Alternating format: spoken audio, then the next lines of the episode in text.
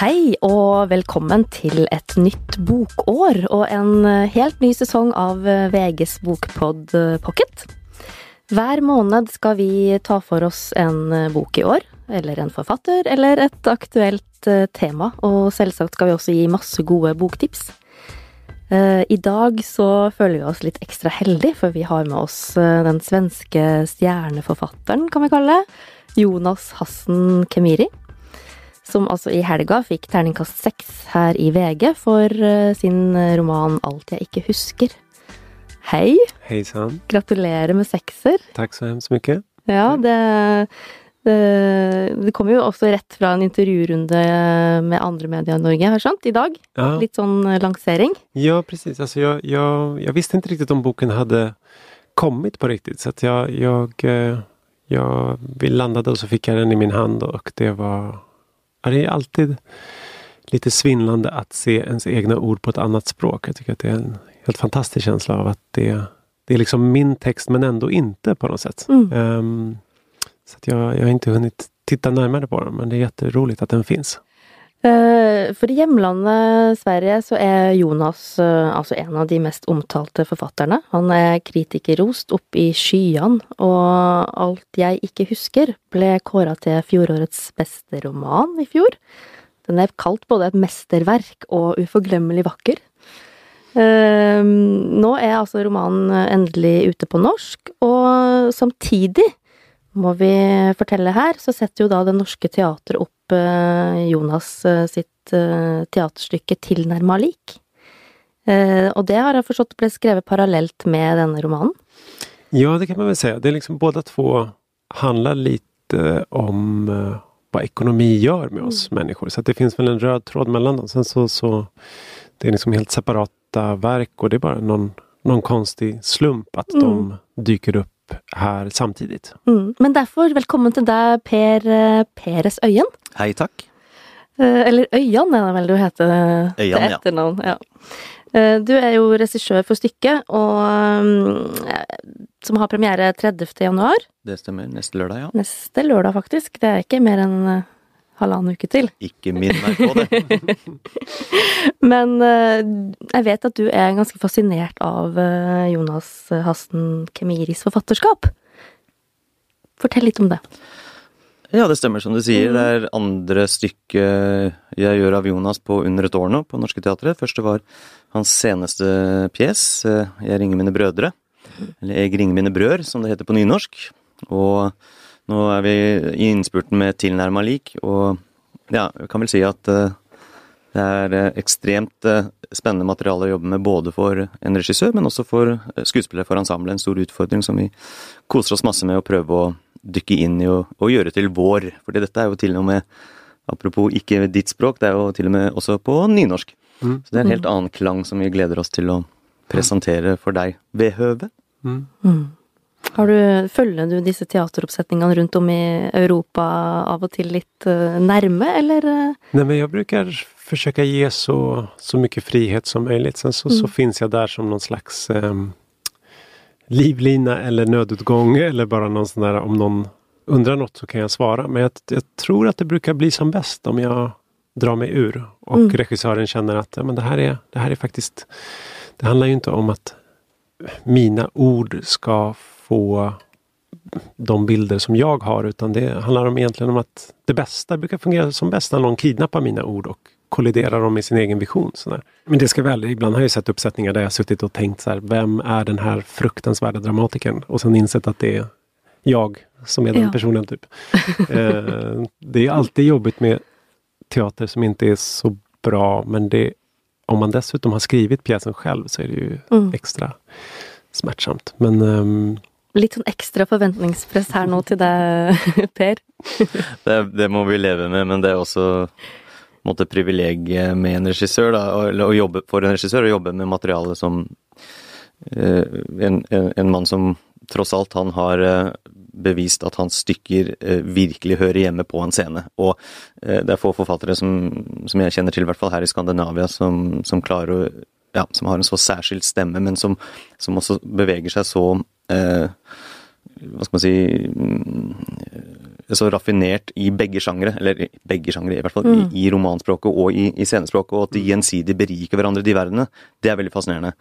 Og jeg leste jo romanen og kastet meg over tastaturet og skrev en jublende mail til Jonas rett etter å ha lukket boken og sagt at dette er jo helt fantastisk, fordi eh, for, for oss er det bare det er masse gratis her, ikke sant. Så jeg pushet romanen på alle skuespillerne og sa les det, les det, les det. Det hvordan han bearbeider mange av de samme, en måte, som han sier, tankene, følelsene, hvordan disse menneskene i begge universene eh, sliter med sitt eget selvbilde, opplevelse av skam ved å ha og ikke ha, sammenligne seg ved å være tilnærma lik hverandre osv. Hvem stoler vi på som forteller? eh, De kjemper på en måte om, om narrativet, om sannheten. Det er veldig eh, teatralt, men så har det sin egen ja, eh, Det beriker hverandre, disse to universene, og det har, har jeg sett også forrige gang jeg jobbet med Kimiri, men det gjør det bare ekstra spennende som, for en regissør å gå inn i et så billedrikt univers. Og så må man velge, da, ikke sant. Velge bilder, fordi det er, det er så mye å, å forsyne, seg, forsyne seg fra der. Så man kan bli litt sånn lost i alle darlings, og så, så er man i en prosess hvor man må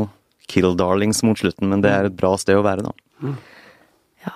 I romanen eh, Alt jeg ikke husker, som det heter på norsk, Mm. eh, så møter vi en eh, hovedperson som heter Samuel. Mm. Han er jo allerede død før eh, romanen starter. Mm. Han omkom i en Spoiler. ulykke Nei. Just det, ingen behöver läsa den. Jeg tror vi kan si så mye, eller? Absolut, är absolut. ingen som helst spoiler. Nej, men Ja. rent konkret så är det, det är verkligen, alltså hela romanen utspelar sig ju faktiskt i ett efteråt kan man säga. Så att vi får väldigt snabbt reda på att i centrum står en huvudperson som heter Samuel som inte lever längre och så finns det en författare som har hört om det sättet som han har dött. Att han har kört i sin mormors bil i hög hastighet in i ett träd utanför Stockholm i ett område som heter Västberga. Och den här författaren blir på något vis av olika anledningar besatt av Samuel och försöker förstå dels om det var ett självmord eller om det bara var en olycka och försöker förstå vem Samuel var egentligen genom att intervjua alla människor som minns honom. Så att boken blir en slags utforskande av vad som händer när en ung människa går från att vara levande liksom, går från att vara kropp egentligen till att förvandlas till minnesbilder i människors hjärnor. Och i insamlandet av alla de här rösterna så börjar vi Ska jag säga det utan att spoila? Men vi, man kan säga att vi, börjar förstå att författaren har någon slags agenda. Det finns en poäng med varför han gör det här. Och det är eh, Ja, det är kanske svårt att... Men i centrum så finns det liksom en, en kärlekshistoria mellan Samuel och Laide. Men det finns också, om man nu ska prata om kärlek, så finns det en, en helt en, en, en vänskapskärlek mellan Samuel och hans bästa kompis Vandad. Så att i centrum så står det tre personer, Vandad, Samuel och Laide, som kanske kan säga att de liksom försöker närma sig med varandra och sen så kommer hela tiden ekonomin emellan dem, kanske man kan säga. Ja, for litt om formen. Altså, i, du skriver på en måte deres stemmer i annethvert uh, avsnitt hele veien gjennom. Eh, og de forteller på en måte da historien om Samuel slik de husker det. Eh, og det blir jo som sånne små puslespillbiter, tenker jeg. Altså, som også leseren må liksom være med på å legge dette store puslespillet, da. Mm. Men vad det roligt, det är en rolig bild av pusslet. Alltså, Ja. det, det är liksom, man kan inte lägga ett pussel om man inte aktiverar sina fingrar. Alltså pussel lägger sig inte självt. Och jag tycker väldigt mycket om att känna, de böcker som jag tycker bäst om bjuder in mig till att vara en del av, att jag får vara med och skapa fiktionen. Och jag tror att det är det som jag vill åt också när jag skriver för scen eller sådär. Att, att en återkommande sak är att att mottagaren och eh, jag menar att mottagaren bjuds in att sätta ihop skeendet. Så att Samuel får liv i mottagarens hjärna. Och En sak som är en stor skillnad mellan att skriva för scen och skriva i bok, det är att när du jobbar med min text på scen så har ju alla ord en tydlig avsändare. Det finns en kropp, ett namn, en röst som säger orden. Det jag älskar med bokformen är att där kan orden kläs av allt det här. I några rader, stavelser, kanske bara några ord så vet vi kanske inte exakt vem det är som talar. Vi kanske inte vet hudfärg, vi kanske inte vet ålder, vi kanske inte vet... Och i den, den där lilla sekunden av förvirring så tror jag också att våra fördomar är svårare att lita på. Um, så det är därför tror jag formen ser ut som den gör. Alltså att den, den liksom, berättelsen förs fram av växlande röster men där vi förhoppningsvis lär känna Samuel genom alla de här olika människorna. Mm. Um. Uh, ja, for du stiller på en måte spørsmålet hva skjer uh, når en person forsvinner? Hva skjer mm. med minnet? Klarer vi å minnes denne personen mm. Riktig? Mm. Uh, hva er det som ligger i dette med at, vi, at du stiller liksom en sånn spørsmål ved, ved, de minnene som står igjen, da? Um, ja, alltså jag har tänkt väldigt mycket på...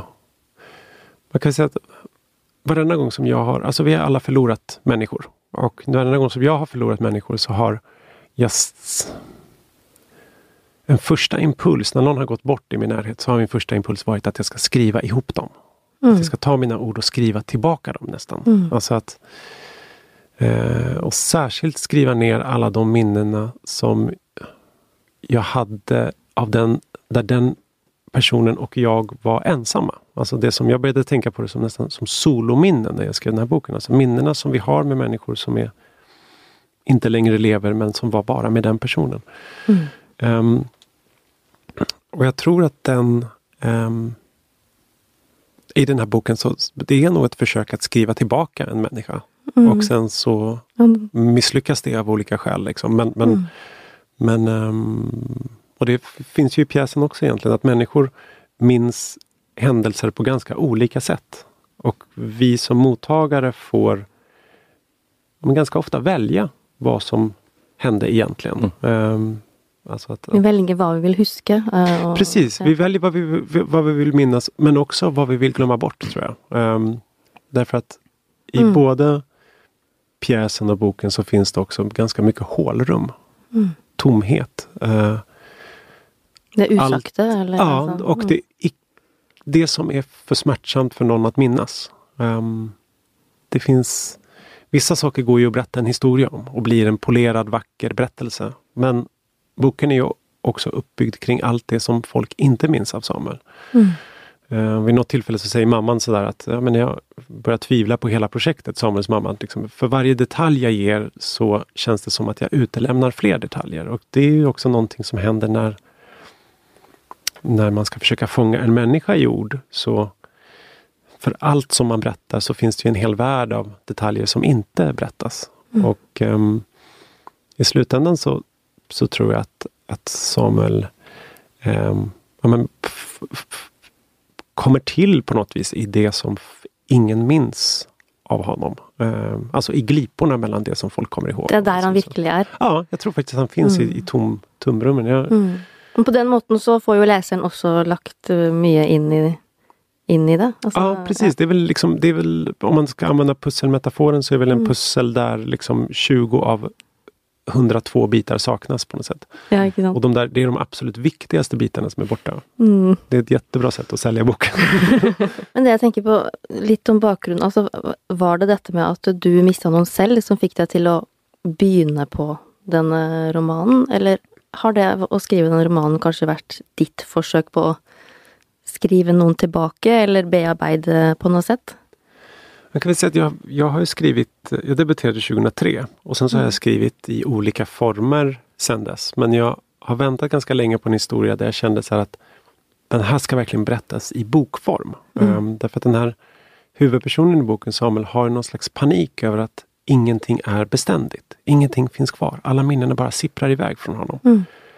Och vad är beständigt? Jo men boken är beständig. Texten mm. finns kvar. Um, ingen av oss kommer leva om hundra år. Men den där texten, även om den är liksom på ett dammigt antikvariat någonstans i något mm. magasin, mm. så finns den. Och då tror jag att det är så att logiken att den här boken kanske nästan är skriven på det sätt som Samuel skulle vilja ha den. Um, mm. Uh, den är liksom... En bok han vill ha läst? Ja, jag tror det. Alltså, den är liksom också otålig på samma sätt som, som han är. Alltså den... den om, ja. Mm. Romanen handlar ju mycket om kärlek som nämnt, uh, forskjellig vänskap mm. uh, och pengar. Du mm. var så vitt in på det, men uh, varför pengar? Alltså, är det en... Ja, varför inte pengar? Nej, varför inte? Kanske. Um, Ja, men det var en sån sak som jag, jag, jag, tycker själv att när jag växte upp och läste böcker som där människor aldrig hade jobb eller inte oroade sig för pengar så var det mer att det sen kändes som science fiction för mig. Mm. Alltså hur... Det om något är ju politiskt, att gestalta en värld där vi inte har olika möjligheter baserat på våra ekonomiska bakgrunder. Um, så att i både pjäsen och boken så finns det en nyfikenhet på vad pengar gör med oss Mm. och hur dyr, trygg, hur mycket man är redo att betala för att få trygghet. Ehm, och det kommer nog från mass... Det kommer dels tror jag från att den tydligaste förändringen som jag gick igenom när jag jobbade med boken var att jag blev pappa. Jag är Mm. pappa till två små barn och då tror jag att jag plötsligt insåg vilken otrolig trygghets, trygghetsskapare pengar kan vara. Ehm, ehm, och det finns ju i pjäsen också. Alltså, Ja, altså begge deler, både romanen og i stykket 'Tilnærma lik' eh, på Norske Teatret, da, handler jo om hva økonomi eller penger gjør med oss. Eller ikke gjør med oss, eller Mm. Ja, på noe vis. eh, Men det er jo Er det slik at penger kan gjøre oss lykkelig? Eller ulykkelig? Hvordan Men det er klart at det kan, men Mm. eh, jeg tror inngangen til akkurat Kanskje sånn som vi jobber med stykket, er jo Mm. at det også handler om å at, at man ser den har et sånn, en herlig sånn satirisk, episk form, hvor disse menneskene sier OK, I'll show you my dirty laundry, liksom. Jeg skal, jeg skal tilsynelatende vise frem meg selv med mine styrker og svakheter og eh, hva, hva jeg på en måte skammer meg over, hva jeg er stolt av, og så så er kanskje det ene ikke helt sant, og det andre ikke er sant, og det er ønsketenkning, men hvordan alle disse situasjonene, det å ha og ikke ha, eller å prøve å øh, øh, sammenligne seg med noen som kanskje har litt mer eller litt mindre, noen som får tilgang til en jobb som du gjerne ville ha, hvordan alle disse små, tilsynelatende små forskjellene, det som gjør ting, at ting ikke er lik, men bare tilnærma lik, det, det er på en måte det disse karakterene prøver å vise frem, og der i ligger den, der i ligger den øh, den, eh, som Jonas sier, der ligger det rommet som Selv om vi gir dem en kropp, vi gir dem en stemme, vi gir dem en kostyme, en hatt, en bart, en ikke sant, så Mm. må vi allikevel ta stilling til ja, men er dette en pålitelig forteller? Mm, Og hva er hans agenda med å stå foran meg her i dag, foran et publikum, mm, og, og, og prøve å på en måte sette sitt avtrykk på oss? Eh, fordi vi prøver alltid å spille spill med hverandre, sosialt, ikke sant, økonomisk.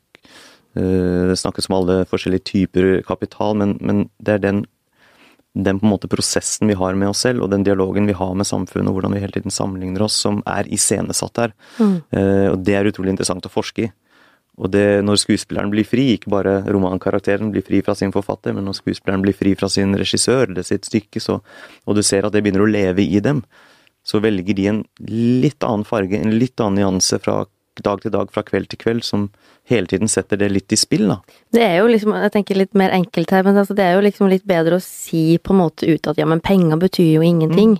mm. Men det er, jo, det er jo kanskje litt sånn som du har levd tidligere, eller sånn som jeg har forstått i noen intervjuer, du tenkte at ja, ja, men det var fint å leve på minus og Mm, mm, Men at dette forandra seg, og at det gjorde noe liksom med at du mm. tok Nej, men det jag tror att jag nog alltid har varit oerhört fascinerad av vad pengar gör med oss. Jag, Mm. jag kommer från en bakgrund där många människor runt omkring mig dröm trodde att pengar skulle lösa allt. Alltså om vi bara fick den där lotterivinsten eller travtipset eller bara om vi... Det är det som kommer ge nyckeln till Ja, nyckeln till lycka eller framgång eller bara evigt liv på något sätt. Och sen så ehm, och jag tror också att jag, jag, jag har ju pluggat ekonomi innan. Mm. Jag, jag pluggade litteraturvetenskap och ek- ekonomi och jag blev inte klar med någon av de utbildningarna. Men eh, det som slog mig när jag läste ekonomi var ju inte här är sanningen. Utan det var det här är en väldigt bra fiktion. Mm. Det här är en fantasi. Det är en superbra historia som berättades för oss. Mm. Och som, det måste man ju vara ärlig med, alltså den, den, det är ju otroligt lätt att skriva en pjäs om kapitalismens negativa konsekvenser. Det är inte det som jag var ute efter, utan jag vill också berätta om lockelsen i pengar och den potentiella friheten som pengar kan ge. Mm. Ehm, jag tror att den här, jag tror att vi måste, precis som du är inne på, alltså den- vi måste komma ihåg att väldigt starka politiska krafter investeras i historien om att vi alla har lika stora chanser. Eh, Mm. Att vi är exakt lika mycket värda. Och om vi börjar titta på det där lika medstecknet så, så, så blir det mer och mer buktande. Alltså vi Mm. blir mer, det, det är, I själva verket så är det inte så. Det, det är så att vi har en väldigt olika förutsättningar baserat på ekonomiska eh, bakgrunder och så. Eh, och det, det For det får- ha- handler jo også litt om prisen på et menneske, eller hvor mye vi er verdt. Mm, I dette, altså hvor mye forskjell Mm. Eller prisen på ett liv. mm, Det er jo verkligen. Den er ikke den samme. Verkligen, verkligen. Ja. Eh, Men du snakka litt om det med din egen erfaring, at du ble du ble på en måte tvunget til å tenke mer på penger etter Mm. at du ble far, og Mm. at det, det gjorde noen ting med deg. Mm. Eh, Kan du forklare litt? eh? Ja, men rent... ehm, jag vet inte, jag kan inte så mycket om Oslos bostadssituation, men det som hände var väl egentligen att vi av olika anledningar, eh, för att jag hade skrivit vissa saker som fick uppmärksamhet i Sverige, bland annat ett öppet brev till en politiker, som gjorde att vi inte riktigt eh, ville bo kvar där vi hade bott. Och då så skulle vi hitta en annan trygg plats där vi skulle vara. Och då var vi, då stod vi då, även om vi kanske inte trodde på det bostadssystemet som finns i Stockholm så hade vi inget annat alternativ än att då inom citationstecken investera på den marknaden. Och det var intressant att se sig själv, att gå från att vara en medborgare i en stad, jag är född och uppvuxen i Stockholm, till att plötsligt börja titta på min hemstad som en ja, men någon slags riskspekulant. Eller att jag Mm. började liksom titta, jag började känna till saker om stan som jag aldrig hade känt till ti- tidigare. Till exempel hur mycket en kvadratmeter kostade i olika kvarter. Mm. Där kostar den så mycket, där 50 000, där 70, Mm. där 120 000. Så att jag började se staden med en ekonomisk blick. Och det intressanta var att när jag började kapitalisera min bild av staden så förändrades också min syn på människorna som inte hade möjlighet att investera sig till den här tryggheten. Um, om jag tänker så att vi tre slår oss ihop och köper en kvadratmeter för x antal tusen kronor som det kostar i Stockholm. I den sekunden som vi har den kvadratmetern och vi äger den, då måste vi skydda den med investeringen. Mhm. Och då Mm. kan inte någon komma in i det här kontrollrummet och hänga där gratis. Då måste vi putta ut den personen. Det blir viktigt att försvara den här kvadratmetern. Och ehm, eh, att få syn på den smutsen i sig själv. Att inse att ja, men det, här, det här finns i mig. Den här, den här eh, väldigt dåliga eh, spekulanten. Eh, men men ehm, det var nog en viktig del för att de här två verken skulle få liv. Liksom. Därför att de, Mm. det är alltid... eh, För mig är det en ganska viktig drivkraft att, att gå till platser där, där jag upptäcker att det finns smuts eller tankar som jag inte är särskilt stolt över. Ja, for du nevnte selv her så vidt et eh, åpent brev eh, som du skrev, og det var altså et eh, åpent brev til justisminister Beatrice Ask, som ble trykket i svenske Dagens Nyheter, var det det? Ja. Uh, og det der brevet beskrev på en måte hverdagsrasismen som uh, du selv har opplevd gjennom livet. Og så vidt jeg har forstått, så har det blitt delt over 180 000 ganger, og gått, gått liksom rundt i sosiale medier overalt. Det er jo noen år siden, men hvordan lever på en måte det brevet og det innholdet for deg fortsatt? Ja, alltså det som var häftigt med det brevet var väl att jag gick runt med en känsla av att mina upplevelser av eh, diskriminering eller vardagsrasism inte var stora nog. Jag tror att jag ofta har tänkt så, för att jag kommer liksom eh, Jag kommer från väldigt gynnade förhållanden på det sättet att jag alltid haft språket i min hand till exempel. Att jag har jag menar, att jag är man, att jag har liksom, det finns en massa olika liksom, kategorier som ger mig makt i samhället. Och sen så eh, skapades en stor debatt kring eh, polisens hantering av ID-kontroller i Sverige. Där Mm. vår justitie, dåvarande justitieminister gick ut och liksom ehm, helt enkelt ifrågasatte svenska medborgare som eh, tyckte att det var fel att polisen stoppade människor baserat på deras hudfärg. Och hon sa då att Nej, men det här är, de blir inte stoppade på grund av hur de ser ut utan det här är bara personliga upplevelser av diskriminering kan man säga. Mm. Och det som jag försökte göra då i den texten det var att jag försökte bara förklara att personliga upplevelser år efter år s- skapar ett demokratiskt problem. Alltså det finns en stor utmaning för ett samhälle där en del av befolkningen inte upplever att poliser eller politiker för den delen representerar dem. Um, det är livsviktigt att medborgare ser poliser och känner trygghet och inte känner som en stor del av, av uh, svenska befolkningen känner liksom en, nästan en oro när man ser en polisuniform. Mm. Det här blir jättelång utläggning men liksom det som, det som den här texten handlar om för mig det är ett försök att skriva om man kan säga nästan alltså den svenska identitetens gränser. Vilka mm. ingår i viet? Vilka ingår i den nationella identiteten? Och det är det där brevet översattes till en massa språk och spreds som du sa via sociala medier och det är inte för att min text var särskilt bra utan det var för att på ett sorgligt sätt så kände väldigt många människor igen sig i den. tror jag. Mm, väldigt ja, många människor det öppnar väldigt många rum och många började att dela sina egna erfarenheter. Precis, och jag tror att där låg den mm. explosiva kraften mm. i att vi var många som kände det här och vi var många som inte behövde känna oss ensamma i mm. den här sortens upplevelser. Och um, uh, Jag tänker att den det är ju någonstans i globaliseringstidevarv så tror jag att det här är någonting som alla länder står inför. Okej, okay.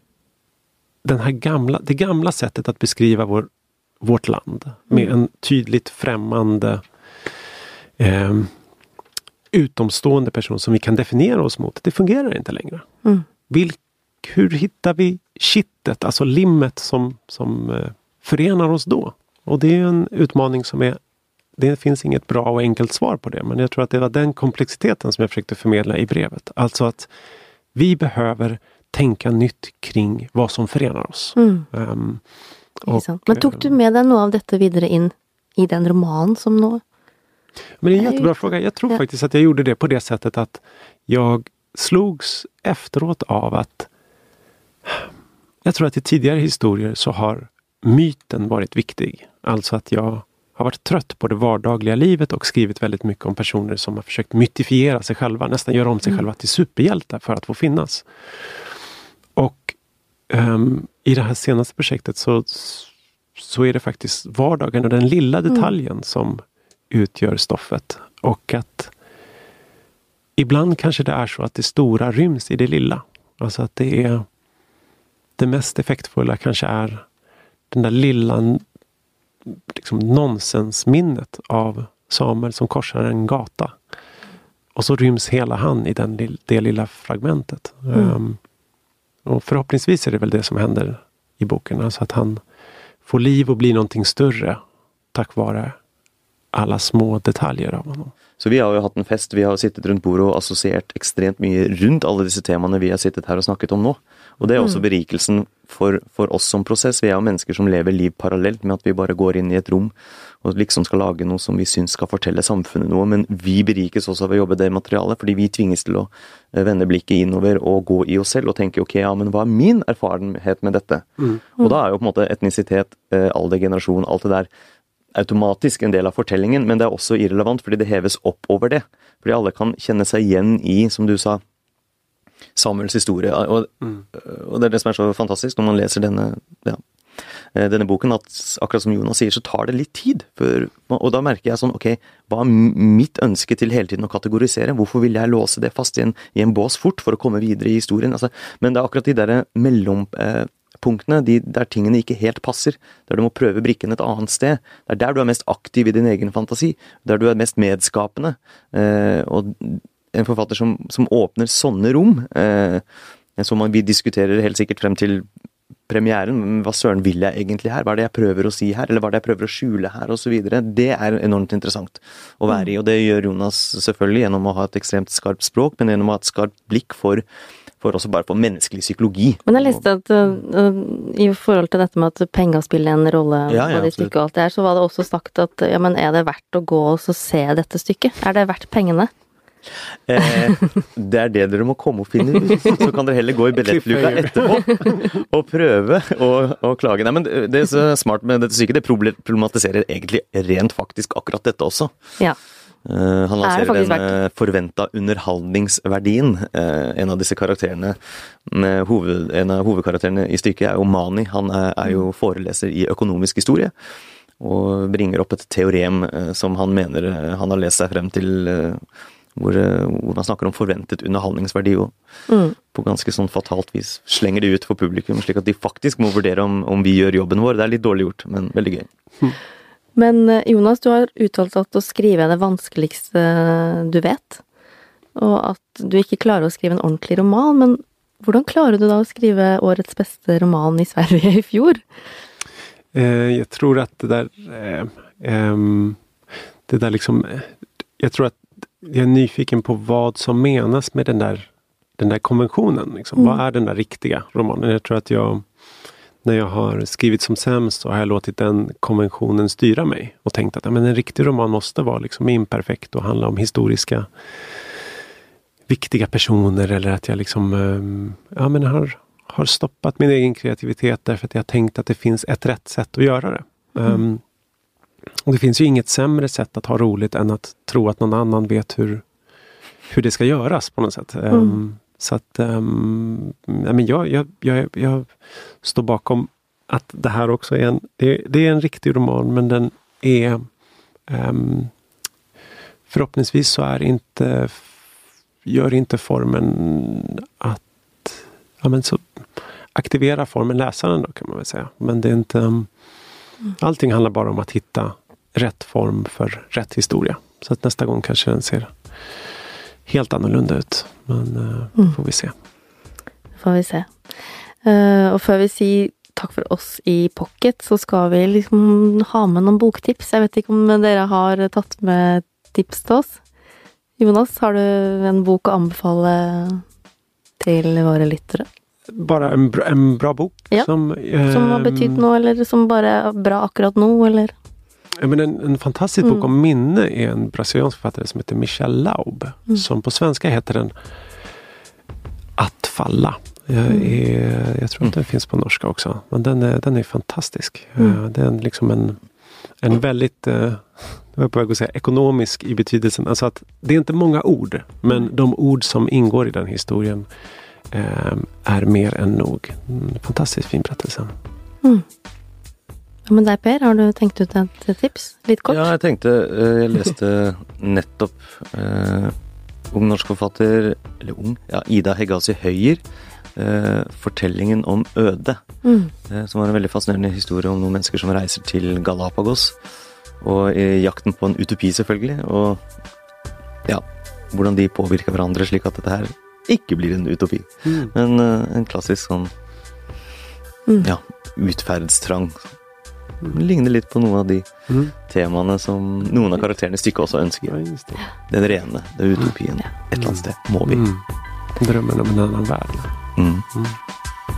Ja. ehm, da tenker jeg at vi skal bare si tusen hjertelig takk ja, til eh, Jonas Hassen Kemiri Tack så mycket. og regissør Per Peres Øyan. Og så har vi, må vi si tusen takk til vår produsent, som er Magne Antonsen. Aber.